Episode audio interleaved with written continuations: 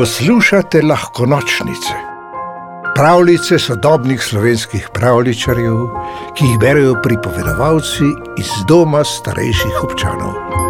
Maček Jure in prijatelji, svoboda. Moje ime je Jure, sem maček, ki živi med bloki. Nisem od nikogar in se hkrati od vseh, zato mi ni hudega. V glavnem sem tam, kjer se kaj dogaja, ali pa tam, kjer kaj dobim. Mački smo takšni. Za lažjo predstavo povem, da sem bele barve, le rep in levo uho imam črno. Rad opazujem okolico in se družim s prijatelji. Eden od njih je jež Igor. Ravno danes je prišel mimo. Vprašal me je, kaj imam najraje. Svobodo, sem odgovoril brez oklevanja. Igor me je zmedeno pogledal, zato sem mu razložil. Poglej, na primer, psa Braneta, sem rekel. Njegova posoda je dvakrat, včasih celo trikrat dnevno, polna briketov, pa še priboljške dobiva. To je lepo, a plačuje visoko ceno, sem zamrmral. Samo pomisli, kakšno življenje ima. Ko je zunaj najlepše, mora noter, ko pa bi zjutraj še spal, mora ven. Ljudem je vse eno, ali dežuje, ali si je sonce. Temu pravijo red. Meni človeški red ni všeč, sem se stresel. Potem so še hujše stvari. Ko so zunaj, ga imajo na vrvici. Brane mora hoditi ob njih in niti pomisliti ne sme, da bi zalajal. Ali je normalno, da psi ne lajajo? Ti povem, da ni. Ko ga končno spustijo z vrvice, mu mečejo palico. Bolj jo nosi nazaj, dlje jo mečejo. Temu rečejo igra. Povej, se ti to zdi zabavno?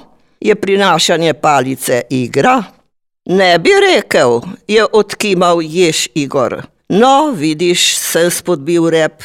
Zato se pa reče pasje življenje. Mi dva sva za razliko od braneta svobodna. Delava, kar hočeva. Spiva, kolikor naj jo je volja, in ustajava, ko se nama zljubi predvsem pa nikomur ne nosiva palice. Nihče ne bi čakal, da mu jo prinesem, se je Igor zazibal. Vmes bi že pozabil, da jo je vrgel, ali bi pa jaz pozabil, kam jo nosim, se je zahihital. No, vidiš, sem mu prikimal.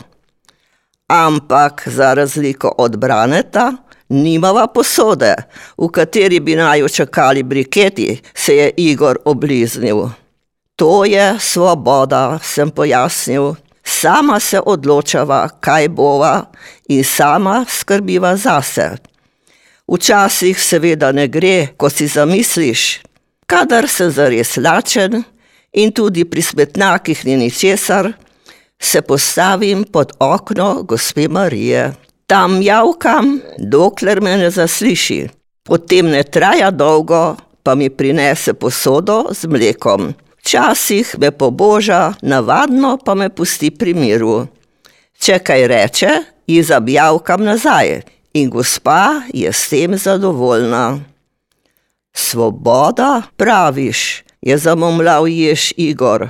Si bom zapomnil. Potem je odrebencljal. Pred njim je bila dolga pot čez travnik do dreves. Sam sem še nekaj časa sedel na pločniku in užival v svobodi.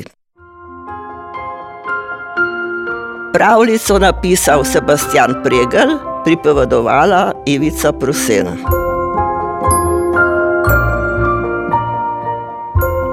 V deželo princesk, zmajev, gozdnih vil in ostalih čarobnih biti, ste vabljeni na lahko nočnice, pika si, pa lahko noč.